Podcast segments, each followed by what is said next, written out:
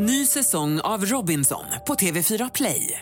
Hetta, storm, hunger. Det har hela tiden varit en kamp.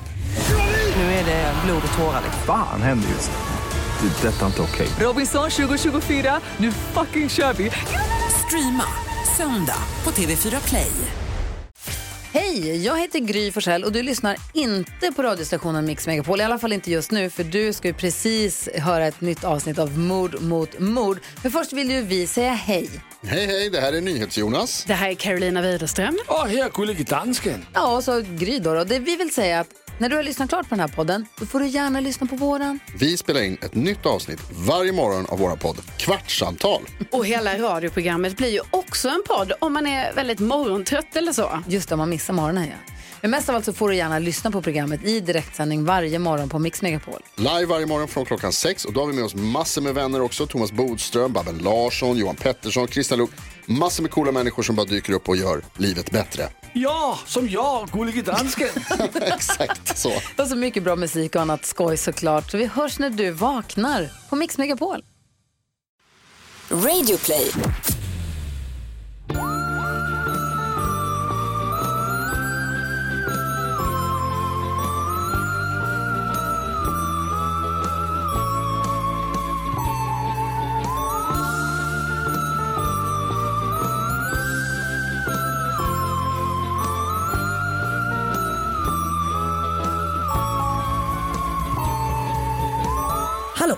Och välkomna. Välkomna, Välkomna, välkomna. till Mord mot mord. Välkomna, välkomna, välkomna. Till Mord mot mord. Det närmar sig Det, jul. Det vankas jul. Jag längtar så mycket så jag kan inte ens, Alltså, jag kan inte ens greppa det. men nu är det fan nära. Mm. När det här kom, nej det är fan, vi spelar in två dagar innan vi släpper. Ja, jag precis säga Ja, det. det var inte det här. Men när det här kommer så är det bara två dagar kvar till Lucia. Jag har inte så stark relation till just Inte jag heller, men det är lite, lite mysigt. Nu menar när, när jag var, när, ehm, en konstig grej som alltid var, nu vet jag inte om det var så för dig, för du är inte uppvuxen typ, i, eller du gick inte högstadiet i en småstad. Nej. Men lusserocken på fritidsgården var ju en väldigt stor grej i liksom så kranskommuner och annat liknande bösställen. Jag vet inte. Men det är ju liksom bara att det, man hade alltid typ en här spelning med sådana dåliga lokala hardcoreband. Och så var det bara att det var lusserocken. Mm, det är jag undrar vem som liksom satte den trenden. Jag gillar, alltså för första gången ska jag jobba, jobbar jag ju på så stort företag. Ah, kommer så det, kommer- det är Lucia? Lucia-tåg halv nio på fredag morgon. Så jag ska få se till att ta den lite tidigare bussen för att se, se det. Eftersom du är Lucia. Det som kommer hända är ju att du kommer stå och döma dem för att du var bättre än du var Nej, absolut, absolut inte. Jag var en riktigt dålig Lucia. Men kronan var lite på det var? Djurgårdens Lucia. Det låter ju otroligt. Ja. Nej, I men mitt jag, huvud har ju du varit Skansens Lucia för att exakt. den ligger på Djurgården. Ja, det var jag inte. Nej, men, eh, jag, det starkaste minnet jag har från Lucia-tåg var inte när jag var Lucia, utan det var i, i sjätte klass. Så alla sexor hade, var de som liksom hade så här Lucia-tåget för hela skolan. Ja. Så det var ju ändå typ så en ganska big deal, för det var ju once in a lifetime opportunity. eftersom det bara var då en, en Lucia, 13 december det året man gick i sexan. Ja. Och så hade jag mitt nattlinne och du vet, det var ju alltid så här, vi, typ, vi, hade något, det visade, vi hade ett nattlinne typ dagen innan, men det var lite litet så det var, så Det var kaos. lite alltså det var alltid Japp. kaos med det där. Och det var alltid bara kaos för mig också. Alla andra mammor i, klassen hade alltid så här tio nattlinnen till sina barn. Men det var alltid lite rörigt Typ hemma så hos oss. de kunde sy om dem om det behövdes. Exakt, Ja. sydde dit en board eller någonting sånt längst ner.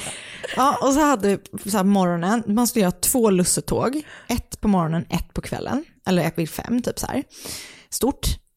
Det första som händer när jag alltså springer från omklädningsrummet till musiksalen Åh nej, får är att en liten, alltså lill-etta typ, eller någon från lågstadiet, springer rakt in i mig med sin overall. Så jag hade så här Du hade så lera avtryck. på hela nattlinnet. Alltså, du förstår ju. Du såg ut som en, du vet, liksom så i en tecknad film när någon har sprungit genom en vägg. Typ Fast det var bara en... ett barn fy på mitt fan. Det var så, som tur var var jag ju lång eh, redan då. Så jag fick ju så stå längst bak så det syntes inte. Men det syntes ju när jag gick i tåget in. Ja det var så hemskt. Alltså vad var det för Trauma. jävla etta? Alltså verkligen. Se dig för. Se Och jag har ditt namn fortfarande uppskrivet. Nej. Så hemskt. Det är mitt starkaste minne från Ja, Lucia-tåg. jag fattar. Jag fattar, det var faktiskt hemskt. Det, eller hur? Ja. Oh. Trauma. Men jag hoppas att det går bättre den här gången. Du trillade å andra sidan i en lerhög häromdagen. Så Ja, alltså, du kanske inte ska ha nattlinne på dig. jag har en ny kollega som bara, du verkar ha lite så otur typ med kläder. För jag berättade också om när jag fastnade med min helt nya dunjacka i en spik här och rev upp den. Jag berättade om att jag häromdagen lutade mig mot en vägg på jobbet som var nymålad. Utan att märka det. Så bara, ja, jag är typ lite klantig när det kommer till mina kläder just. Men just bara det. För, Det lite- Men också, det är inte konstigt för att jag insåg, det var typ Marcus började säga till mig att jag var alltså just klumpig. Det är ju det värsta som finns. det är så jävla osoft. Men för jag, jag, liksom, jag, jag anser inte att du är klumpig. Ett. Men jag tror att jag är mer klumpig än vad du är. Men jag tänker att du kanske är lite så här famlig typ om du ska ta ett glas och så välter det typ. Ja. Nej, men alltså, det han baserar det på är ju väldigt mycket att... Det är eh, empiri. men, alltså, det finns ett tillfälle som är liksom grunden för... Det där är så jävla orättvist. Jag vet! Alltså, För det som hände då var att jag hade lagt oändligt lång tid på att laga frukost till oss. Och jag hade, som jag gillar att göra, lagat äggs benedict. ja så jävla gott. Och vi var, hade precis blivit tillsammans, det var liksom ganska nytt typ. Och jag höll på och höll på och pocherade ägg och ditt, ditt, ditt, donade. Och sen så var vi i vår gamla lägenhet och skulle vi käka och så fick Marcus in och sen så hade jag min och sen så började jag skära och då ställde sig alltså hela tallriken på högkant och sköt iväg. Det är ju stört. Och sen dess är jag tydligen en jävla klumpeduns. Ingen, ingen tänker på mig som en mästerkock efter den tillfället. Jag gör. Tack. Du har gjort äggs benedict till mig, det var otroligt. Tack, tack. Men eh, jag älskar, det bästa som kan hända är när det där liksom turns on the, the, the utpekare. The Klump, äh, utpekare becomes the klumper. Exakt, för min bästis Junkan, Mm. Ja. han sa, när vi precis hade blivit kompisar, så hade vi köpt med oss, alltså det här är ju 12-13 år sedan, så hade vi köpt med oss Donken hem efter vi hade varit ute en natt. Och så, så satt vi i hans säng och skulle typ kolla på så här, vi kollade ju typ alltid på så här, så att vi skulle kolla på Coyote Ugly, eller något liknande. du Gud, fattar härligt. typen. Snygg sexig singel. Ja, kanske till och med den. och så skulle vi äta Donken i sängen. Och han bara, var lite försiktig så du inte spiller så cola i sängen. Och jag bara, ja nej det är lugnt så här. Sen välter han all sin Så härligt. cola i sängen. Och då blir man ju liksom asnöjd. Ja. Men har jag berättat om när min, eh, min mamma var på, på dejt, för det är ju då massa år sedan, eh, på Lilla Tavernan i Göteborg. Härligt namn. Hon var där, ja verkligen. Eh, typ kanske en av de så första grekiska restaurangerna i Göteborg. Och, eh, hon, eh, eh, souvlaki. jag tror att hon åt lamm, Ah. vad heter det, alltså så lamm, inte liksom, men lammkotlett, kan det heta så? Ja. Att det är ett ben i, typ Ja. så. Ja. Gott. Eh, väldigt gott, tzatziki. Mm, Väldigt, Mm. väldigt liksom tight, litet. Det var, jag tror det var filmfestivalen, det vill säga Mycket skitmycket folk, folk, ute. Så hon, hon och den här snubben hon dejtar sitter liksom mitt mot varandra och så sitter de väldigt, väldigt nära Mm. någon som sitter bredvid. Och så sitter mamma bara och äter och du vet skär sin liksom kotlett där typ. Och sen så plötsligt så ställer sig den på högkant. Och Kotletten? skjut- Alltså kotletten. Alltså vad har ni för teknik med att skjuta saker från tallriken? Men vi, alltså det vad som händer är alltså att hon skjuter iväg Benet? tzatziki Nej. på grannen. Mannen som sitter bredvid. Åh gud, stackarn. Rakt ner i hans skrev. Och min Stackars. mamma är ju förskollärare. Ja. Så man får ju ta tag i ett spill om man ser det. Absolut. Så hon bara, du vet, får syn på närmsta servett som är då i brödkorgen. Rycker ut den, brödet flyger och börjar liksom typ badda den här främmande mannens skrev för att, för att få bort det från tzatziki. Det är lite som när Oskar tog på ditt bröst första gången vi träffades för att han spillde öl på, på dig. Det är kul att du envisas med att ta upp det. Jag ska ha gått vidare. Inte jag, jag är fortfarande så avundsjuk. Om man ändå tog på mig sådär. Så baddade. Baddare. Ja, gud. ja stackars Rosita Ja, det alltså. var inte bra alltså. Men jag gillar att bra. hon är så handlingskraftig ändå. Hon är ju extremt handlingskraftig. Det ska hon ha. Verkligen. Ehm, hur mår du? Jag mår bra. Eh, jag mår jättebra. Du har jobbat hemma idag? Ja, så skönt. Fy fan vad gött alltså. Det är därför jag också ser ut som att jag Du har jobbat hemma Du ser idag. så mysig ut. Eh, men jag har duschat, tvättat håret. Skryt. Och du har jobbat från ett tåg för tågtrafiken, hör och häpna, krånglade idag. Ja, det, allting var inställt. Mm. Eh, men det enda som hände var att jag jobbade större delen av dagen på ett hotell. Och sen var... Så skönt. Marcus hade ju sin svensexa igår. Just det. Det var så himla gulligt Anna. För att han blev så himla himla förvånad. Mm. Och så var han så himla glad. Du vet, han skickade sådana själaglada Gud, vad sms hela dagen. Ja. Och var så jävla jävla lycklig. Så det kände mig så himla glad. Eller så har jag typ skrivit till flera av Marcus kompisar med mig. Jag bara, jag vill verkligen bara tacka för att ni gjorde Gud Marcus så himla Men det finns igår. ju typ ingenting härligare än när någon man tycker väldigt, väldigt mycket om blir så glad. Ah. Men också, för jag fattar också en känsla, för det, det är det mysiga som finns, att känna att så här, folk, de här människorna har tänkt på mig. Mm, att de har ansträngt sig. Ja. Jag fattar. De var ganska många såg det ut som. Ja, de var nog typ 10 pers kanske. Ja, det såg ut som de var ännu fler på Ja, de är- Instagram. Det var deras enorma egon. såg. Exakt. Det var det det var, det var det det var. Och det var också roligt för att det enda, jag vet inte om du såg det, men det enda liksom, det kränkande de gjorde mot honom var att han fick ett presentkort på Jack and Jones och fick gå och köpa en ny outfit. Så han skulle se helt vanlig ut var deras kränkning. Gud vad roligt. Vad köpte han? Men alltså typ, du vet sådana jeans som är så tajta att, att de är liksom pantalonger. Ja, och det värsta Verkligen vet. så. Och med sådana trasiga. Ja. En skinnjacka som var... Gud, vilket dyrt presentkort. Jag vet, de sköt tydligen till lite mer. Ja. Och en typ en så hoodie liksom. Åh gud vad roligt. Jag vet, det var bara kul att det var det som var, de bara det här är kränket. Att han ska se helt jävla Men det är ju sånt som är så himla kul. Alltså när det är sådär uh, subtilt. Exakt, och att det inte är så att han ska sälja kyssar på Nej. stan typ. Alltså väldigt roligt. Ja, det Men... ehm, Så det gjorde mig glad. Ja, vad härligt. han kom ju också, men han, vet du vad han försökte göra i natt? Nej. För jag var med, med Fanny och Emma så jag var, liksom, jag var hemma vid kanske typ halv tolv eller någonting. Mm, ändå sent en söndag, Ja, säger jag jag. vet, men vi, Ja. det var så himla, du vet när man kommer Men igång. det är härligt, jag förstår man precis hur kommer ni hade igång det. med Ja. pratet Mm. och man aldrig kan sluta. Varje dag för mig. Eh, jo, men, men så typ började jag, så smsar nu är jag väldigt full. Jag bara, Mm. ja jag fattar det typ. Ni på, har ju på, hållit på sedan klockan 12 liksom. Mm. Fan 12 timmar. Du måste komma och hämta mig på Seiden. Jag bara, du, jag kommer inte vara en tjej som kommer och hämtar sin, alltså vet, han vill ju skylla på mig. Mm. Nu kräver Karin att jag ska gå hem. Jag bara, det finns inte en chans Nej. att jag kommer göra det från din svensexa. När jag kan kom han hem då? möta dig, det är helt lugnt. Jag kan komma, alltså du vet så här, men han ville ha, ha mig som utväg. Gud, jag förstår honom. Ja ja, alltså verkligen. Men det jag sa var så här, jag bara, men Karl vill ju alltid gå hem. Bara säg till Karl att du vill gå hem så kommer han kasta sig på den möjligheten. Han var hemma typ så här kvart över ett eller någonting. Gud vad roligt. Jag tänkte på att de var på sån här game show. Ja. Och då tänkte jag stackars den som höll i den game showen för det är väl alltså komiker. Att Hampus. bara var, ja det var Hampus som Ja, ja. Okej, då var det, då Ja, var det så. Hampus var nog med typ. Ja, jag fattar. Så han hade gjort liksom vissa eh, typ Marcus-frågor. Bland annat så var det du vet, en, en, en bild när en bild först blir pixlig. Ja. Eller jättepixlig och så blir det mindre och mindre pixlig och så ska man gissa vem det är. Marcus gissade på Charlie Chaplin men det var jag. jag var inte fel. Okej men då, då, då, då tycker jag inte synd om Hampus. För jag tänkte så här att det var någon stackars, eh, du vet, som Åh, bara fan, inte visste vilket gäng som väntade Ja, och så var det alla dem.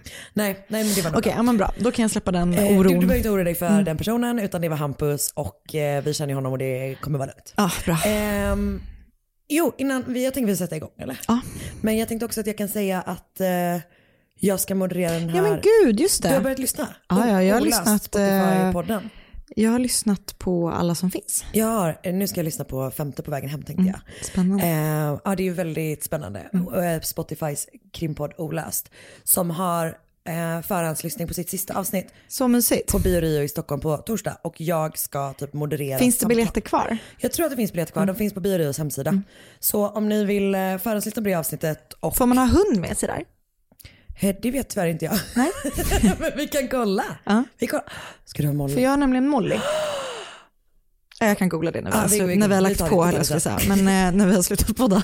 Exakt. Eh, nej, men så om man, eh, det kommer vara lite så här gäster och typ de som har gjort det kommer prata och sådär. Det kommer bli eh, spännande. Mm. Så jag hoppas att vi ses där. Ja. Och nu tycker jag att vi gör den här podden. Yes. Ny säsong av Robinson på TV4 Play. Hetta, storm, hunger. Det har hela tiden varit en kamp. Nu är det blod och tårar. Fan händer just det. Det är detta inte okej. Robinson 2024, nu fucking kör vi! Streama söndag på TV4 Play. Ett poddtips från Podplay. I fallen jag aldrig glömmer djupdyker Hasse Aro i arbetet bakom några av Sveriges mest uppseendeväckande brottsutredningar. Går vi in med hemlig telefonavlyssning och, och då upplever vi att vi får en total förändring av hans beteende. Vad är det som händer nu? Vem är det som läcker? Och så säger han att jag är kriminell, jag har varit kriminell i hela mitt liv men att mörda ett barn, där går min gräns. Nya säsongen av Fallen jag aldrig glömmer på Podplay.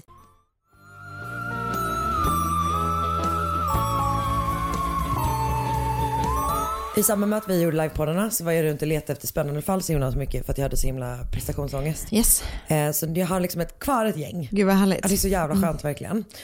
Och det här fallet hittade jag när jag gjorde research på Bell Gunnes som jag gjorde i Malmö. Eh, det, var, det är liksom lite för likt för att göra det du vet, så här, direkt för nära inpå. Eh, men det är spännande. Det är Okej. konstigt. Ehm, så någon gång 1904 föds Marta Löwenstein i Wien. Jag kan säga direkt, det är lite motstridig fakta i det här. Som det alltid Ja, är. exakt. Ja. Och Så. Ehm, det känns som att vissa tar sig friheter men det är svårt att veta vil- vilka de är. Lite Jag så. fattar, jag fattar. Någon har tagit sig friheter. Exakt, men så jag kör. Ehm, ja, men hon föddes då 1904 som sagt. Och eh, en anledning till att man inte vet exakt när hon föddes kan vara att det var ganska länge sedan förstås. Men det verkar också som att Marta blev övergiven av sina föräldrar. Så att hon senare liksom blev adopterad av en annan familj. Ehm, de var väldigt fattiga, hon började jobba väldigt tidigt. 1919, så hon, jag tror hon är typ 15 eller någonting va? Då började hon arbeta i en affär som säljer klänningar och sånt. Eh, eller om det är någon slags skrädderi. Heter den så? Eh, Martas klänningar och sånt. Det lät, när du sa det så lät det precis som ett sånt, du vet, sånt dåligt butiksnamn. Ja, men så som alla hette i det, eh, i det fallet jag gjorde i Kalmar. Alla butiker hette ju så där. Mm. Just det. Mm. det har vi inte släppt än, men det kommer. Ehm, jag tror att hon bara fick jobba där. Jag inte fattar, jag fattar. Jag fattar. Det, var, det var ett dåligt skämt. Men eh, nej, det var ett härligt skämt. Okej, tack. I den affären Ja. så träffar hon ett par år senare en man som heter Moritz Fritsch. Typiskt eh, österrikiskt Alltså namn. otroligt. Alltså de har så många sätan i det tyska språket. Moritz Fritsch. Han äger ett varuhus. Så han är rik liksom. Och han är antingen över 50 eller över 70, olika. Så. Eh, men han faller då pladask för den kanske så 17-åriga Marta. Hon är vacker, hon är ung. Som, ja. Han anställer då henne för att, jag vet inte om hon ska jobba i det här varuhuset eller om hon ska jobba i hans hem. Men hur som helst så liksom hon, han anställer henne och hon börjar jobba för honom. Och det verkar som att det då finns någon slags sexuell aspekt av den här relationen mellan den här gamla eller fullvuxna mannen och den här tonåringen. Men det verkar lite grann som att de har typ haft en deal, att de har haft någon slags relation och då har han liksom tagit hand om henne. Ja, om man säger så. Mm. Så Moritz lever liksom väldigt fint och Marta lever då med honom i hans hus. Men han skickar också henne på så olika fina skolor och jag tror att hon är i Frankrike, hon är i Storbritannien och du vet lär känna liksom livet så med societeten. typ. ja, jag fattar. Och hon får smak för de finare sakerna i livet. Som man ju så Som lätt man- får. Så lätt får. Hon återvänder till Wien, flyttar tillbaka in hos Moritz, men då träffar hon också en ung ingenjörsstudent som heter Emil Marek. Och de inleder i hemlighet en affär. I augusti 1923 så dör Moritz och han ef- efterlämnar då sin, liksom, sitt jättestora hus och även en hel del pengar till henne. Och Marta flyttar då in Emil i det här huset och de gifter sig. Han nu- har inga barn. Han har inga barn, hon har inga barn då heller. Nej, um, Äh, nej det vet jag Moritz, inte men hon nej. ärver i alla fall. Då. Ja. Jag vet, inte- vet inte om hon äh, ärver hela hans förmögenhet, jag tror typ inte det. Nej, men hon Men- ärver hans eh, he- hem och så. Hem Mm. och pengar liksom. Ehm, så Emil flyttar in, de gifter sig, hon heter Marta Marek nu då. De lever ett jävla kanonliv för de här pengarna. Du vet liksom, jag tänker att det är mycket fester. Ja, mycket, mycket fester i salarna. Mm. Lite grann så. Härligt. Det enda som är problemet med det är ju att det kommer ju inte in några pengar. Nej. Utan det är bara, liksom, hon försöker ju leva så som hon har levt hela tiden men hon tjänar ju inga pengar typ. Så att de spenderar och spenderar och spenderar och ganska snart efter typ två år så är pengarna slut. Och de måste liksom sälja det här huset. Så, så tråkigt. Ja jag vet, det är verkligen tråkigt. Och snart blir det ännu tråkigare. För sommaren 1925 så ska Emil hugga ner ett träd. Jag vet inte vart de bor då, men på Någonstans. tomt. Mm. Och han slinter då med sin yxa Åh, och hugger sig själv Åh. i benet nej. så hårt att det liksom nästan går av. Åh. Så de måste åka till läkaren och benet måste amputeras. av allt vi pratade om, att det var det här som fick dig. Jag vet, det är verkligen, ja, men också yxor ditt. Ja. Det är så äckligt. Mm, jag vet. De måste amputera benet. Och, så de är liksom fattiga, han har ju skitsvårt att jobba för att han Ja. liksom sådär.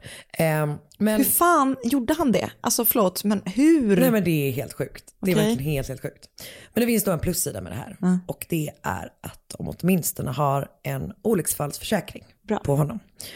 Ehm, och den försäkringen skulle ge dem typ, alltså det är lite svårt att veta, det står typ så här, du vet 10 000 pund, men jag vet inte när det är skrivet. Nej. Men liksom mycket pengar i alla fall.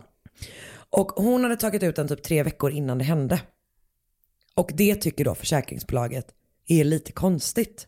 Ja. Att det är ganska nära inpå. Vadå, tre veckor innan han högg sig? Ja, Okej. så har hon tagit ut en försäkring. Ja, ja, okej, hon har tecknat den. Hon har inte löst, okej, ah, jag nej, nej, fattar. ah, ah, nej, just det, tecknat den. Ah. Förlåt, det var jag som var dålig på försäkringslingo. Nej, jag vet, inte ens, jag vet inte ens om jag har rätt, men det var så jag tolkade det. försäkring. Ja. Ja, gud ja. Och sen tar man ut pengarna från kontot. Ja, exakt. Okej, så att försäkringsbolaget är så här, mm, det är lite konstigt det här. Så de pratar då med läkaren som har tagit hand om Emil. Och då säger han att den skadan som han har kan liksom inte ha tillkommit av Nej. ett yxhugg. Så han, det var som jag trodde, man kan inte hugga sig så i benet. Framförallt inte tre gånger. På liksom lite olika ställen. Åh, snälla. Så någon har alltså då liksom försökt hugga av Emils ben. Och man misstänker då förstås direkt Marta. Mm. Så att det är liksom att det har tagit på olika ställen. Det är uppenbart att någon har jobbat på. Ja. Helt enkelt. Det är som i Titanic, du vet när hon, hon ska eh, ta en yxa och hugga eh, just- loss honom från Ah! handfängslarna och hon ska så, här, träna på en dörr. Och så slår hon så här och han bara bra, slå på samma ställe igen och så bara poff, slår hon så här och helt fel. För det, man kan typ inte träffa på samma ställe. Nej, nej, nej. Alltså verkligen. Om man inte är proffs. Och om man, det kunde jag. Ma- Marta kunde jag, var jag uppenbarligen inte proffs Nej. i alla fall. Så att det finns teorier som är att Emil försökte göra det på sig själv. Ja. Men misslyckades och var så här, fortsätt du. Men jag tycker det låter så jävla, alltså jag tror typ inte man kan Nej. Dra sig själv i benet med den kraften typ. Men så det här blir då en, liksom en rättsprocess med försäkringsbolaget för de försöker få ut sina pengar och de är så här, fast ni begår typ försäkringsbedrägeri. Eh, de lyckas inte bevisa att det inte är en olycka. Eh, och att det liksom är Marta som har gjort det här. Så det slutar med att de eh, ja, kommer överens om att de ska få en mindre del av Mhm. försäkringssumman. Men Marta döms ändå till ett par månaders fängelse i samband med det här.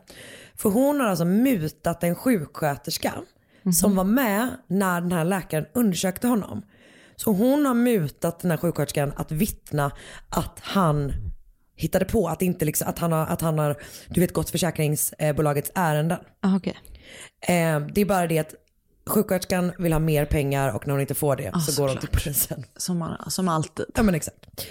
Så hon liksom bestämmer sig för att utpressa Marta och det funkar inte. Så hon döms till fängelse. Och i det här fängelset så delar hon cell med en kvinna som heter Leopoldine Lichtenstein. En kvinna som sitter i fängelse på grund av att hon har dömts för att ha förgiftat sin man med tallium. Okej. Vilket är någon grej. som man kan dö av. Ehm, det blir ganska mycket så mediecirkus i Österrike kring Marta och Emil och det här försäkringsfallet. Och det som är sjukt är att folk är på deras sida. Är det så? Ja, att det är liksom så här, allmänheten tycker att försäkringsbolaget är dumma som inte betalar ut det och Jaha. att de, de tror på dem liksom. Så att de, hon kommer ut i alla fall. De börjar liksom leva sitt liv tillsammans. De får två barn, de kämpar på. De försöker liksom lite olika Och han business kan typ ventures. inte gå. Nej, han är, har ju, liksom, har ju eh, Ett ben. Ja, det är amputerat precis nedanför knät tror jag. Mm. Han är typ lite så, um, du vet, en misslyckad uppfinnare. Ja. Vilket i och för sig typ, Som Bells pappa. exakt, en drömkarriär Mm. om jag ska vara helt ärlig. det känns som att Marcus hade, om Marcus hade lärt sig matte i skolan hade han kunnat vara en misslyckad uppfinnare. Ehm, så att det går inte så bra helt enkelt. De är väldigt fattiga. Jag läste någonstans att de under en period flyttade till Algeriet. Jag vet inte om det stämmer. Hur som helst så kommer de tillbaka till Wien Mm. igen. Marta jobbar med att typ sälja grönsaker på, liksom, så här, på gatorna i Wien. Typ. 1932 är Marta tillbaka i så här allmänhetens blickfång. Våld. Våld. Blickvåld. För eh, i juli 1932 så dör Emil. Jaså? Och han har egentligen aldrig riktigt hämtat sig från det här att hans fru högg honom i, eh, i benet med en yxa tre gånger och han sen var tvungen att amputera. Men han kunde ändå 1900 leva med henne. Eh, ja, ja men gud ja. Men han var liksom mer på liksom ett hälsosamt, alltså hälsomässigt plan. Ja. Så var han typ alltid sjuk efter det. Ja, okej, okej. jag fattar. tänker typ Mm. att det är så här, du vet du var utfattig, du var typ så 1900... Det låter inte så enkelt. Nej, inte så himla enkelt. Eh, han har alltid varit sjuk, haft svårt att jobba, bla bla bla. Så han dör i juli. Bara några veckor senare så dör också deras dotter, Ingeborg. Hon är antingen nio månader, sju år eller nio år. Beroende på vart man kollar. Mm. Mm. Väldigt otydligt. Nej. Jag skulle gissa att hon är snarare sju eller nio år. För Ja. det har ändå liksom gått lite. Jag tänker att hon är sju eftersom det är mitt emellan. Bra, vi tar det. Och hon liksom avlider, avlider då också. Eh, och det man kommer fram till i båda fallen är att de har dött av tuberkulos. Okej. Hon har alltså förlorat både sin man och sin dotter inom loppet av liksom bara några veckor. Mm. Och det som händer nu är att det blir återigen då omskrivet i pressen och folk börjar liksom typ donera pengar till henne. Det är ju en så här enorm tragedi liksom. Så att hon får ganska mycket stöd. Ehm, och och den här, hon har kvar sin, deras son då också. Eh, och snar, senare typ så hör en av hennes fastrar av sig. Hon heter Susanne Löwenstein och hon var gammal och sjuk och behövde någon som tog hand om henne. Hon hade ju liksom läst och hört om, om Martas men stora olycka i livet och hon bara såhär, jag har ett stort hus, ni kan flytta in här, jag kommer ta hand om er men du tar hand om mig liksom. Eh, så de flyttar in och Marta blir typ som hennes vårdare. Men bara en kort tid senare, nu tror jag det är 1934, så dör Susanne. Och hon har tidigare klagat på att hennes lemmar har liksom så stelnat, hon har haft svår, svårt att svälja och så här. Och när man undersöker hennes kropp så kommer man fram till att också hon har dött av tuberkulos. Okej. Marta ärver lite pengar från den här fasten, men hon ärver också hennes hus. Och det är bara det att hon återigen bränner igenom pengar. Så att hon inser då att så här, jag kan tjäna eller liksom få in lite mer pengar genom att hyra ut delar av det här stora huset. Så hon tar in två stycken, eventuellt en, eventuellt en person som heter Neumann. Ja. Jag vet inte. Och eh, så flyttar också en kvinna som heter Felicita, Felicitas Kittenberger in. Och Felicitas dör också kort efter att ha blivit sambo med I Marta. tuberkulos. Det verkar oklart vad hon, jag vet inte om man kommer fram till någonting, men jag tror att också det verk, alltså är så misstänkt tuberkulos. Och det som är konstigt med det är att hon har en livförsäkring, ingen stor liksom, Nej. men en, en liten summa pengar som betalas ut till Marta efter att hon har dött. Det, det är ju konstigt. Det är ju väldigt konstigt, Mm. det får man lov att säga. Ehm, så att det är kul, min livförsäkring går ju till våran, han som vi hyr i andra hand av. Men det fattar man ju. Ja, ja. alltså han forskar ju på cancer, han Ja. behöver alla pengar. Alltså, han får gärna ta mina pengar. Ge det till honom bara. Ja, gud ja. Ehm, det här tycker då att Felicitas son är lite konstigt. Mm. Han bara, mm, den här random kvinnan som kom in i min mammas liv precis på slutet, hon får ut pengar och hon dog väldigt kort efter. Rimliga frågetecken. Han börjar liksom så fundera på det, men han får inga, han, jag tror han försöker prata med polisen, men får liksom inget gensvar typ. Åtminstone inte på några år. För 1937 har Marta en ny scam på gång. För hon har börjat tjäna pengar på den konst som en gång har tillhört Susanne. Och som nu då tillhör Marta som hänger i det här huset. Och här finns två olika stories. Antingen sålde hon konsten och anmälde den stulen. Alltså att hon sålde den till typ en konsthandlare. Så smart. Mm, smart, dubbla pengar. Ja. Eller så börjar hon typ så här att hon liksom förvarar dem i olika förråd som hon hyr och anmäler dem stulna. Någon av de två. Mm. Men hon har liksom en konstscam där hon påstår att tavlor som är stulna, inte är stulna är stulna. Och nu börjar då det här försäkringsbolaget igen, det, kan, det är säkert ett annat. Men de är så här, Jag tycker ändå man får ge det till eh, the authorities redan på 30-talet, att de hade fan koll på grejer alltså. men jag, fan vad jag älskar en försäkringsutredare. Men det är så spännande. Ja, jag vet, det är verkligen det.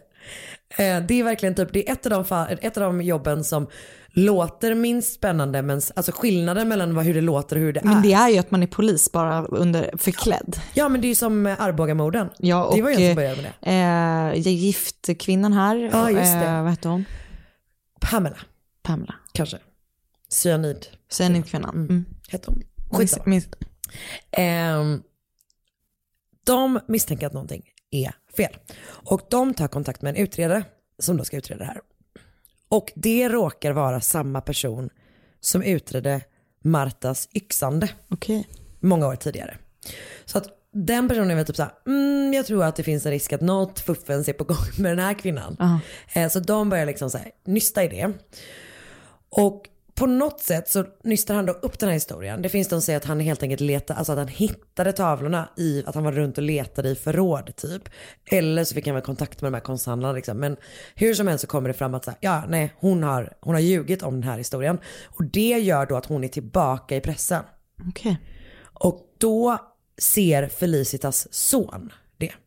Och bara nej nu jävlar. Och bara så här, en grej, eh, en grej till. Det, jag tror inte bara det är det här. Jag tror att hon har mördat min mamma typ.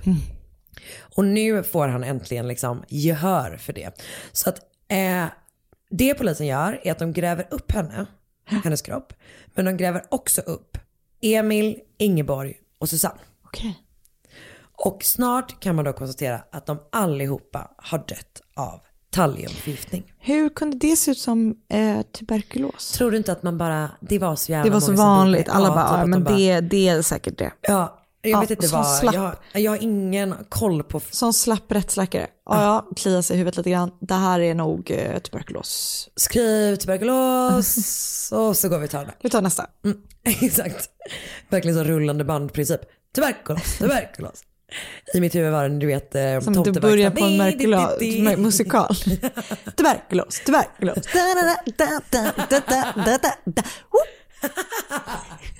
Exakt så. Tillbaka till den här hemska historien. Ja.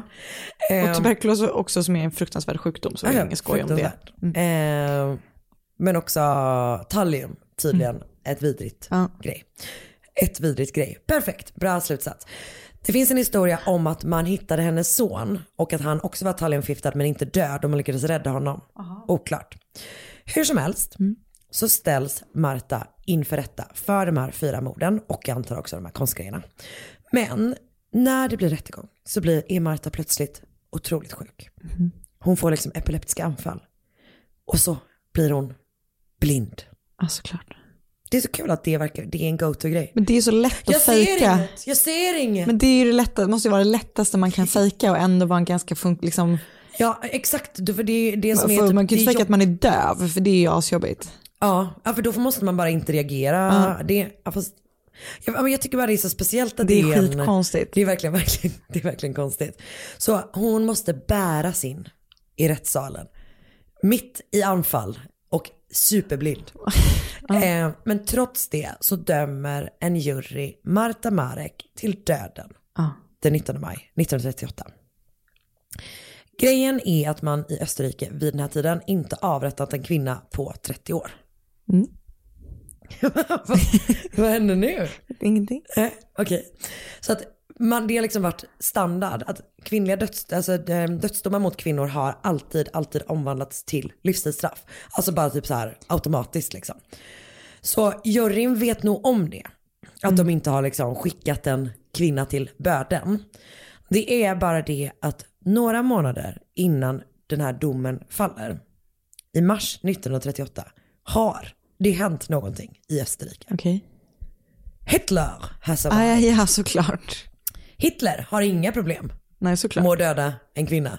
Eh, eller någon annan. Nej. Så när det här rutinärendet liksom är det här hamnar- starten på att du egentligen ska göra förintelsen? Ja, gud ja. Nu kommer vi gå över i det.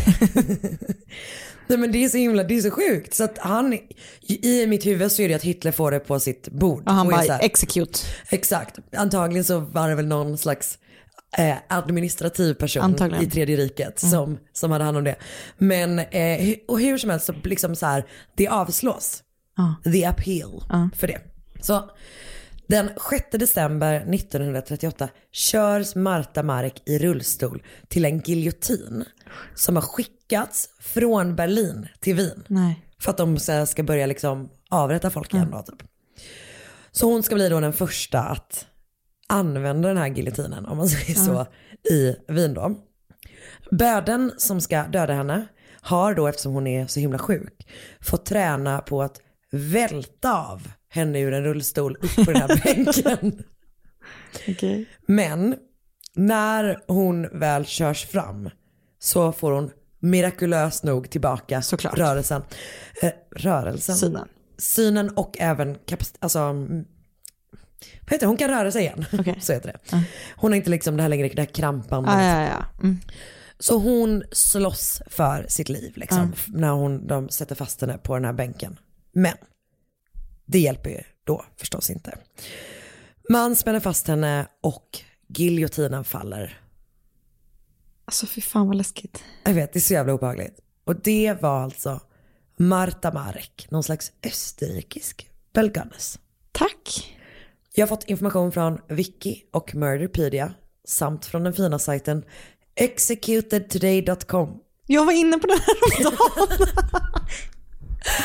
Ta det där vanliga som heter som man bara, att ens google-sökningar fan inte ser bra ut. Nej. Alltså. Är Okej, det ja, spännande. Alltså det, jag gick ju uppenbarligen igång på det här med att hon högg sin man i en yxa för att få ut försäkringspengarna. Alltså verkligen, Det jag förstår är det. ju fan... Riktigt äckligt alltså. Ja, jag vet. Jag vet. Förlåt. Men väldigt bra. Tack snälla. Tack. Och eh, lite så här, utan att du visste om det så har vi lite lika fall, Nej. fast ändå inte. Men, ehm, mm. Ehm, så är det min tur. Ja, nu är det din tur. Ny säsong av Robinson på TV4 Play. Hetta, storm, hunger. Det har hela tiden varit en kamp. Nu är det blod och tårar. Fan händer just. Det. är Detta är inte okej. Robinson 2024, nu fucking kör vi! Streama söndag på TV4 Play. Ett poddtips från Podplay. I podden Något Kaiko garanterar östgötarna Brutti och jag, Davva, dig en stor dos skratt. Där följer jag pladask för köttätandet igen. Man är lite som en jävla vampyr. Man har fått lite blodsmak och då måste man ha mer. Udda spaningar, fängslande anekdoter och en och annan arg rant. Jag måste ha mitt kaffe på morgonen för annars är jag ingen trevlig människa. Då är du ingen trevlig människa, punkt. Något Kaiko, hör du på Podplay. Därför är gardinerna.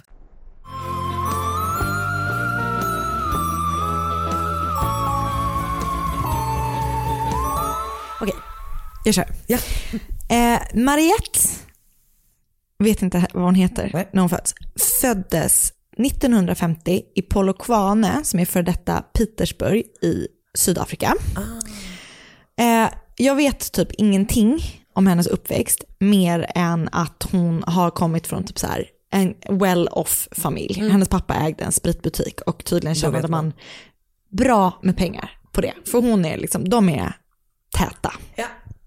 Hon växte upp till att bli en så här lång, blond, reslig kvinna. Eh, Men när hon i alla fall är redo att settle down så träffar hon då en man som heter Justin Bosch och de två gifter sig. Och tillsammans får de tre barn. Ja. Så nu heter hon då Mariette Bosch, den här kvinnan. 1992 bestämmer de sig för att flytta med sin familj från Polokwane eh, och Sydafrika för att flytta någonstans lite lugnare. Och flytten går inte allt för långt utan det går till grannlandet Botswana. Och eh, valet faller på Botswana och närmare bestämt då huvudstaden Gaborone. Eh, och ännu närmare bestämt en stadsdel som heter eh, Pakalane. Kan du göra det ännu mindre? Nej, jag, jag har inte gatadress. Vet du vad det är? Det är motsatsen till när man var liten skrev under, eh, skrev under brev. Eller när man skrev adresser. Älskade det. Sverige, Europa, Tellus, ja. och sen Vintergatan, Vintergatan. Galaxen. Exakt. Eh, jag kan, nej men de flyttar till Pakalane, som är en stadsdel i Gaborone, där många andra så här, vita, rika eh, sydafrikaner bodde. Så det är så här, liksom, expat community. Botswana liksom var eh, en annan anledning till att de, de valde det för att då Eh, det var så här ett land på uppsving. Typ de hade så här blomstrande ekonomi, det var mycket lä- lägre brottslighet där än i Sydafrika. Och så, så det liksom kändes som ett så här, en trygg plats att flytta till. Tror du att de var racist as fuck? Säkert. Ja. Det, det vet jag ingenting om. Nej. Så att, det vet jag inte. Det vet Ehm, men de flyttade i alla fall dit. Ja. Eh, och i Pakalane, det är PH, så det kanske är Fakalane. jag vet inte. Du var säger Pakalane för att du inte ville säga fuck. Jag säger Pakalane. Ja, det går bra. Eh, Åh gud, alltså man blir alldeles så röd i ansiktet så när Mm, man ska roligt. säga ett så att Eller när man skulle läsa högt i skolan som jag pratade om förut och det stod så här sex på boka, sidan. det är värsta, alltså värsta. de levde i alla fall, liksom, de hade det bra ställt där. Ehm, de anställde en he- hemhjälp på heltid och så här, trädgårdsmästare att ta hand om trädgården och ehm, barnen gick i skolan och Mariette var hemmafru. Liksom. Och hon ägnade sig åt att så här, shoppa och hänga med väninnor och eh, hon var aktiv medlem i kyrkan. Så när de flyttade till Gaborone så gick hon med i Gaborone Dutch Reformed Church. Och liksom, hon och hennes väninnor var så här, ja, men typ, de så bakade tårtor och, och alltså du vet, de, de levde verkligen så. Det- Hemmafrus. det- Ja, exakt.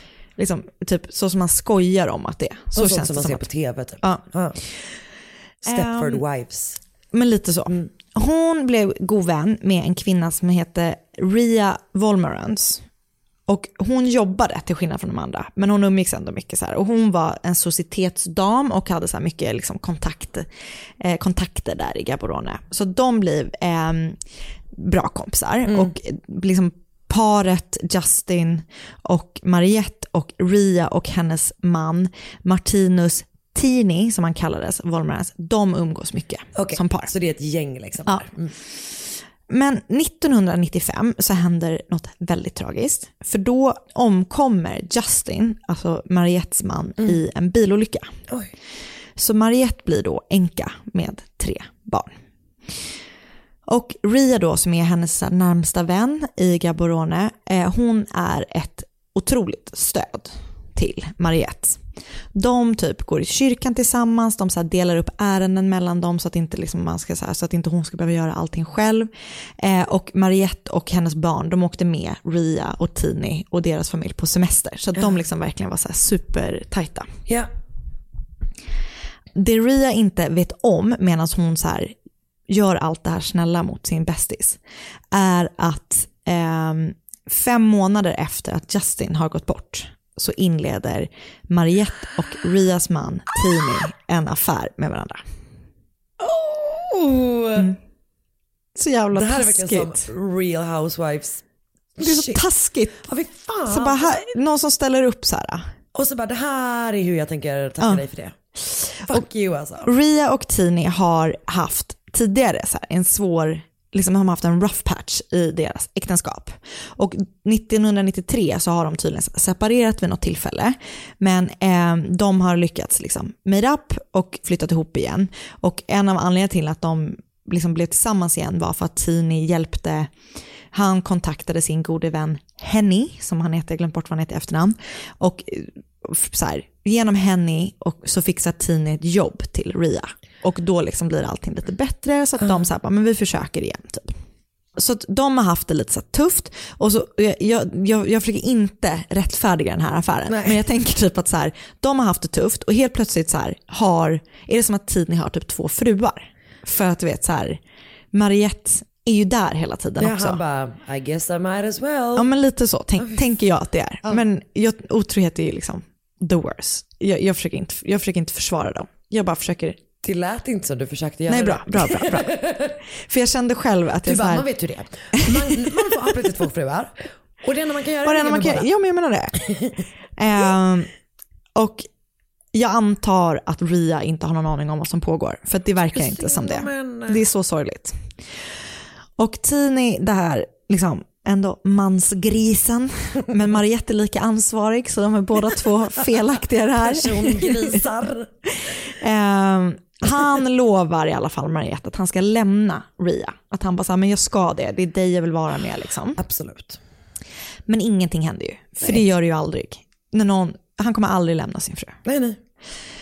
Så den 26 juni 1996, ungefär ett år då efter att eh, Justin har dött. Justin har dött och att eh, Mariette och Tini har liksom inlett sin affär, så är Ria ensam hemma. För Tini jobbar då, han är borta med jobbet på någon här jobbresa eller någonting. Senare samma kväll så kommer Marina, som är Ria och Tinis dotter, hem. Hon hittar då sin mamma på golvet, skjuten två gånger. En gång i magen, en gång i bröstkorgen. Med en, hon har blivit skjuten med en 9 mm pistol, ska det senare visa sig. Det finns inga tecken på, in, tecken på intrång i huset och det verkar som att hon har blivit skjuten under tiden som hon har gjort sig en kopp te. Så liksom en helt vanlig situation, inget märkligt, förutom att en person är död. Exakt. Så hon ringer ju såklart till polisen som bara kommer dit och det, blir, det är ju fruktansvärt såklart. Och polisen bara, men det måste typ ha varit ett inbrott som har gått fel. Liksom. Att Mm. det, det, det känns som det mest troliga som har hänt. Eh, så att polisen säger ja men det är ett inbrott som har gått fel och hon har tyvärr blivit skjuten och eh, vi har tyvärr inga misstänkta för det är så här som händer. Och kort efter mordet på Ria så blir Tini och Mariette ett par officiellt. Och de hyr då ett annat hus. Än, de, de bor inte kvar i, i Ria och Tinis hus och de bor heller inte kvar i Mariettes hus. Alltså en grej jag kan tänka Mm. är att, alltså just den här grejen som är så man bara, men skäms ni inte? Exakt. Alltså så här, eh, även om ni typ så här, ja men nu vill vi vara med varandra, Mm. så får man ju ändå ha lite jävla hyfs. Men jag har, jag har en tanke kring hur de har resonerat här också. För att de säger ju såklart till alla så här att det här är ju en helt ny relation. Eh, och jag tänker att det här har man sett förut. Det. Att det är så här, någons väldigt goda vän har gått bort och då tröstar man och man är nära så här och då uppstår tycke för varandra. Jag har två kompisar där det har hänt. Ja, nej, men det är sant. Det, Så det har att du rätt jag i. tänker att det är så här, ut, utåt sett kanske folk ser och de tänker själva att så här, det är inget konstigt, vi är två personer som har förlorat våra respektive Ja. och vi var alla väldigt goda vänner och för oss är det här en helt naturlig väg framåt. Just det. Smart. Du var smartare än vad jag var för att det var mycket smartare än vad jag tänkte att det var. Ja men tack. Mm. Ehm, Du kunde sagt emot.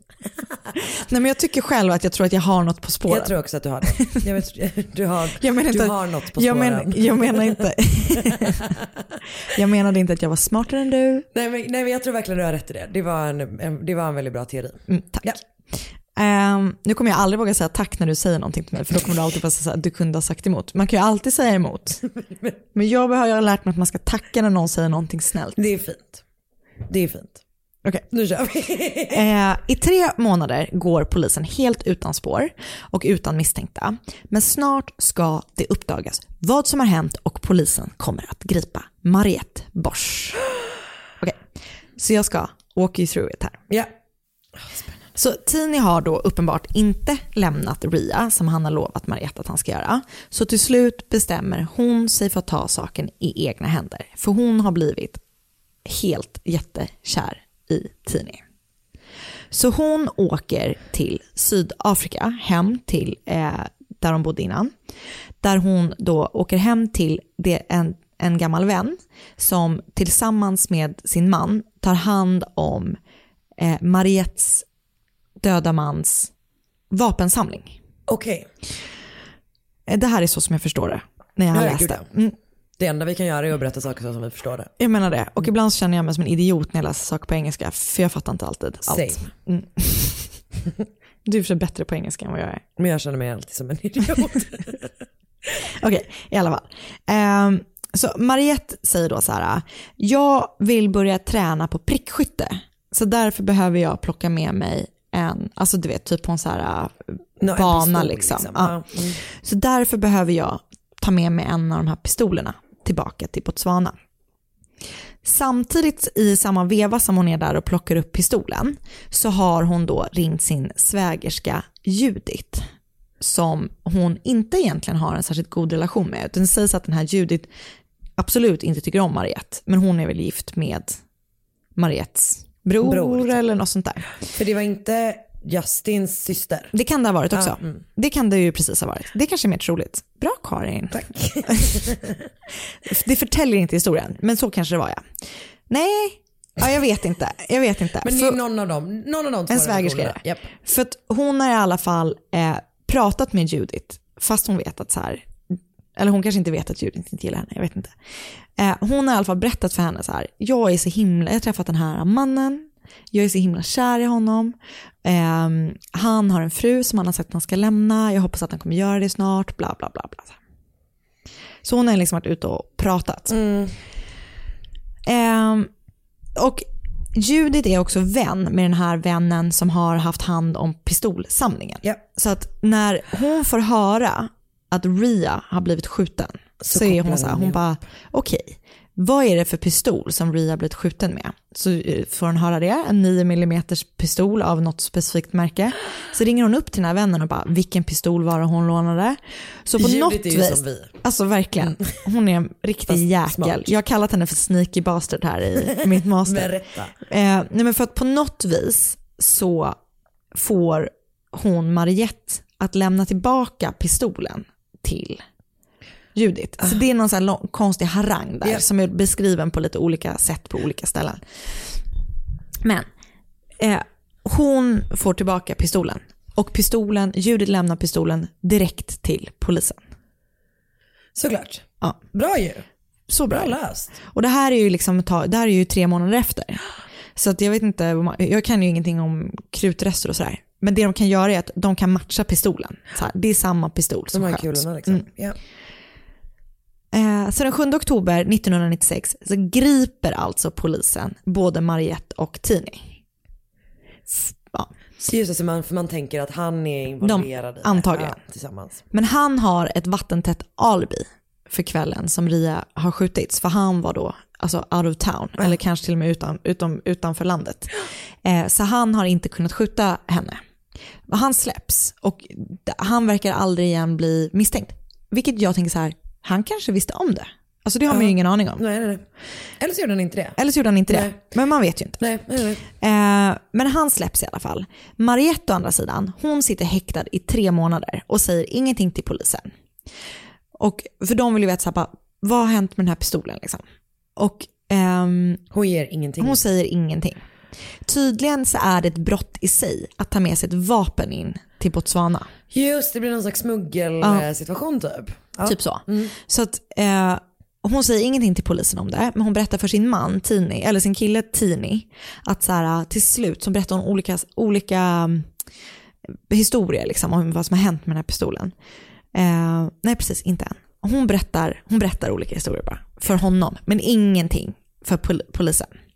Så hon sitter tio månader i häktet och berättar typ ingenting. Oj jävlar. Till slut blir hon då släppt mot borgen. Hon kommer ut.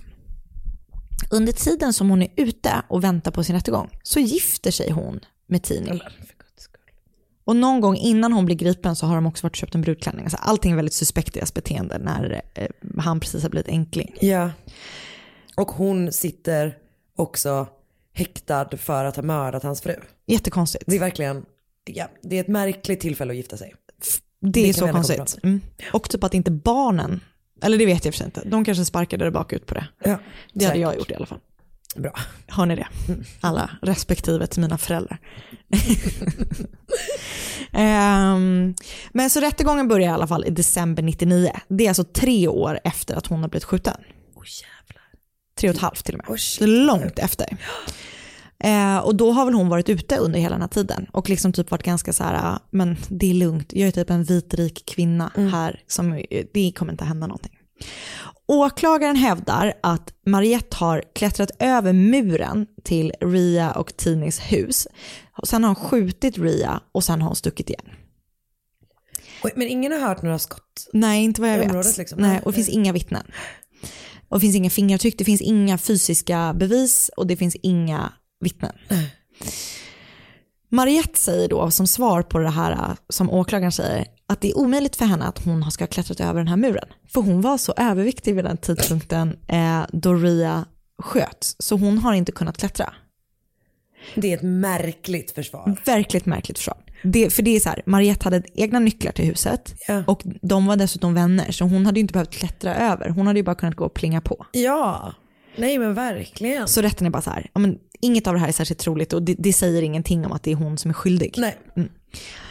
Rättegången säger, under rättegången så säger Mariette att den här pistolen som hon då har tagit med sig eh, till Botswana har hon tagit med sig för att Rias chef, den här Henny som jag nämnde tidigare, han har bett henne om det. Eller rättare sagt så har han drogat henne och sen lurat henne att hämta den här pistolen. Och, hans, och, och bett henne då, alltså han har liksom typ ja, men drogat henne för att få henne, henne att skjuta henne, Ria. Och hans, Hans, mot, han har drogat Mariette, Mariette. för att hon ska skjuta Ria. Ja. Just det, de klassiska gamla knepen som funkar Drogerna. med... Ja, exakt. Och hans motiv ska då vara att så här, hon har ställt till det med finanserna. Ria har ställt till det med finanserna i hennes bolag. Det är ju också inte Men så vet troligt. vad, vet du vad som också blir så jävla pinsamt? Det blir så pinsamt när folk som, alltså du vet, man Men de tycker de är så smarta de när de tycker ljuger. är så jävla smarta. Ja. Och det är så jävla, det är som han jävla Elias, kidnapparen. Ja, men det gör ont Att det är så här, i kroppen. Just när folk har en dålig plan men tycker att den är så jävla bra så gör det ont i en. Man får skamkänslor. Det är hemskt. Ja det är verkligen smärtsamt. Ja, det är så hemskt. Eh, och Mariettes försvarsadvokater pekar då på så här, det finns inga fysiska bevis, det finns inga fingeravtryck, det finns inga vittnen.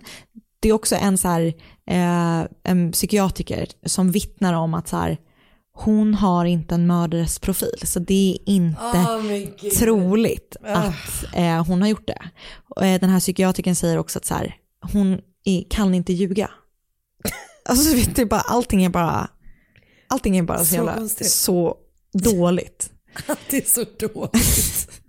Mariettes alibi är också helt omtvistat för hon säger att hon har varit hemma hela kvällen, hela natten med sina barn. Och barnen säger så här, ja hon var hemma med oss. Men Mariettes hemhjälp säger så här, hon var hemma men hon lämnade hemmet klockan 20. Klockan åtta. Jag tror på henne mer. Jag med. Så att det finns inga fysiska bevis, det finns inga vittnen, det finns ingenting.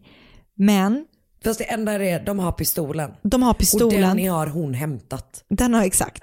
De har, hon har hämtat den, de har en affär. Det finns ju väldigt liksom starka indicier ändå på att det är hon som är den skyldiga. Så till slut, den 21 februari 2000, eh, typ tre månader efter att rättegången inletts, döms då Mariette av en ensamdomare. För det är tydligen så det är i många liksom, länder i Afrika och även då i Botswana, att det alltid är en ensamdomare som Ja. dömer. Så hon döms till döden genom hängning. Åh jävlar vad grovt. Och precis som du var inne på att juryn var helt säkra på att det, så här, det här kommer inte hända. Nej. Så var hon och, hon och hennes familj och typ så här, alla var bara så här, Det kommer, det kommer aldrig hända. Nej. Hon är så en vit rik kvinna, hon kommer, det kommer aldrig hända. De, hon fortsätter att neka sin skuld och liksom bara är så här, det här är helt outrageous, bla bla bla bla. Och familjen och hon är så helt överst, inställda på att de ska överklaga domen. Och även barnen är liksom, alla barnen är på samma... Som jag fattar det i alla fall. Jag vet inte om, om Rias barn, men, men liksom hen, alla, he- Tini backar henne helt, alltså du vet så här. Så att de verkar typ inte så Var de oroliga. oroliga? Nej, de är typ bara så här, ja men det här Fy kommer fan lösa vad man sig. är privilegierad Ja. i ett liv när man inte, när man bara, det har dömts till att hängas. Ja. Och man bara, men, det kommer löser sig. Ja. Fy fan vad sjukt. Men eh, så typ ett år efter då första domen så ska hon upp liksom i appeal court eller vad det heter. Mm. Och, ehm, och försvaret trycker liksom på att så här, det här är en stackars kvinna som har blivit lurad av den här Henny då. Hon är så svag, hon är utsatt för påverkningar. ehm, och du vet, de kör på den grejen hela tiden. Medan åklagaren kör på spåret om att hon är så här, en vidrig kvinna som har bestämt sig för att röja alla hinder liksom, i hennes quest for love. Så att, du vet, så här, hon, han lyfter också så här, hon har ljugit om sitt alibi, hon har Ah. smugglat in vapen, allt det som ju hon faktiskt har gjort. Liksom. Eh, och hon har anlitat massa så här dyra engelska advokater, du vet, det, det är Såklart. stor grej. Eh, och alla är typ bara säkra på att så här, hon kommer få resning, alltså hon kommer få sitta fängelse liksom, men eh, hon kommer aldrig Avrättas. avrättas. Men rättegången då slutar med att så här, hon får inte resning. Hon, hennes dom om död genom hängning kvarstår. Eh, och domaren är liksom så här helt iskall och bara du har gjort det här, du, det finns liksom inga förmildrande omständigheter, eh, du vet stenhård. Det är så jävla sjukt. Det är så sjukt. Eh, så hon och hela hennes familj är ju i så total chock när den här domen kommer. För de har ju varit helt säkra på att eh, hon kommer bli släppt. Och de fortsätter, familjen, att så här, göra allt för att så här, men vi måste få henne fri. Liksom. Eh, vilket jag tänker att det hade jag kanske gjort Ja. Alltså man hade ju velat att ens mamma skulle få livstid hellre än dödsstraff. Ja gud ja, det är klart. Och framförallt, eller så här. Eller, eller det, Alltså jag vet inte, sjuk grej med mig är att jag hellre vill att min mamma Okej, jag slår in Nej, öppna exakt. dörrar här. Men, Men det är inte eh, konstigt att hela familjen bara, nej. nu kör vi på. Ja. Ja. Så de involverar ju så här massa folk och du vet, det är världens liksom, cirkus kring det där. Ja. Ehm, men eh, Botswanas president Festus Mogae lät meddela att han bara, jag tänker inte skona henne. Så att han typ ger en order till så här, the chief commissionary av alla fängelser i Botswana, eller om det var bara i eh, Gaborone, att så här, börja förbereda för hennes hängning. Why don't ya? Så sjukt. Eh, så fredagen den 13 mars, 30 mars, så eh, får hon reda så här på kvällen att hon bara, tidigt imorgon bitti så kommer vi ta med dig ut för din avrättning. Du skojar? Nej, hon får inte säga hej då till sin familj. Hon får, inte, hon får ingen så här sista måltid som alla skriver om. Hon får liksom inte, hon får inte göra någonting. Hon får skriva brev till sin familj. Och det som har hänt då tre veckor innan är att så här, Tini har ringt till fängelset för att vara så här, hej får vi komma den 30 mars och träffa, eh, träffa Mariette, så här, det är jag och hennes barn. Och då har de varit så här, nej men det passar inte så bra just den helgen för det händer massa grejer typ i fängelset. Men, eh, men på måndagen kan ni komma, efter den helgen. Så att eh, när de på måndagen sitter i bilen på väg till fängelset så hör de på radion att hon har blivit avrättad. Vad i hela... Det är så sjukt. Så de åker dit. Det finns också några som säger att det är när de kommer fram till fängelset Ah, så får de höra det. Men de, får liksom, de har ingen aning. De åker för att träffa sin mamma och sin fru. Och så får de höra så här, nej men jaha, nej men Men för två, två dagar sedan så hängde vi henne här. Här är brev som hon har skrivit till dig. Typ. Eh, så att de får då brev, breven liksom och eh, hennes privata tillhörigheter med sig hem. Men också typ, tänk att vara de barnen. Det är så Man hemskt. behöver inte straffa dem liksom. Det är så hemskt Oj. och det blev ju såklart massa uppståndelse kring det här. Dels hon var den första vita kvinnan som någonsin har avrättats i Botswanas historia. Mm, Liksom. Och eh, det faktum att familjen inte fick höra någonting, det var fortfarande så här massa överklagan som pågick och så här. Så det, vet du om det liksom var, alltså det, att man gjorde så är typ, var typ standard liksom eller? det vet jag inte, Nej, men det känns som att det var typ så här, eller jag, jag har lagt in mycket tolkningar här, men det känns lite som att det var så här, typ lite för att sätta en exempel, att det var så här, ah, nej men ni kan inte komma hit och så här Och bete kräva. alltså, Nej, nu var det ju står två- inte över våran lag. Nej exakt, Ja, ja. och nu var det ju för sig två vita kvinnor, eller en vit, det var liksom två vita kvinnor som det här handlade om, men jag tänker att ändå att de var så här, ah, ni kan inte precis, ni står inte över vår lag. Typ. Tänker jag. Jag har, inga, jag har ingen grund för det, men det är bara ett antagande jag har gjort. Ehm, Åh ja. jävlar vad sjukt. Så det var då eh, fallet om Mariette Bosch. Och såklart Ri- Ria Wolmarans. Två, två, två, två döda kvinnor i den här berättelsen. Men det är också, alltså, du, tycker du, jag tycker ju att hängning är typ, Jätteläskigt. nej men också det, det är sjuk, eller så att för mig är det det grövsta ja, och det känns som ett sättet. så, det som jag reagerade på, att det känns som ett så sjukt gammeldags eh, sätt att avrätta avrätta. någon på. Det för sig Eh, giljotin med. Jag tänkte på det också din, men det Ja. var ändå på 30-talet, även Ja. om det kändes sent Nej, att ha det på är ju- 30-talet. det Det här var på 2000. Mm. Åh jävlar vad sjukt det där var. Det är så sjukt. Och mina källor har då varit, precis som du, Vicky och Murderpedia. eh, capitalpunishmentuk.org och en podcast som heter Bloody Murder. De typ läste mest upp en annan en wiki-sida. Men, Ja, eh, men den har jag i alla fall lyssnat på. Eh, och eh, precis, jag var inne på den här executed eh, today. Today.com. Min startsida menar du? Exakt. Eh, Ja jävla sjukt. Ja. Tack snälla. Tack själv. Jag har aldrig hört talas om det. Inte jag heller. Nej. Jag verkligen snubblade över det bara. Mm, som man gör ibland. Som man gör. Du, en grej som jag tänkte att vi skulle säga Ja. är att vi eh, kan faktiskt säga redan nu att vi kommer i jul släppa ett specialavsnitt. Ja. Och där vi bland annat kommer köra lite lyssnar, lyssnarhistorier. Ja. Så om du har mm, varit med om något spökigt, om något läskigt, om du har någonting som du tror att vi skulle vara intresserade av. Någonting roligt. Exakt. Någonting Så spännande. Mejla oss till mordmotmord.gmail.com. Ja. Så ska vi, kommer vi gå igenom, och även alla ni som har skickat innan, vi kommer gå igenom alla och Ja. välja de bästa. Vi eh, tackar för det här avsnittet. Vi ber er gå med i vår podcastgrupp på Facebook som heter, som heter Mord mot mord podcast. Eh, vill ni önska fall, vilket jag hoppas att ni vill, så kan ni göra det hos Karin på att Karin Londre och hos mig på att Sandel Anna. På Instagram. Precis. Och sen så hörs vi nästa vecka. Det gör vi. Hej då! Hej. Ny säsong av Robinson på TV4 Play.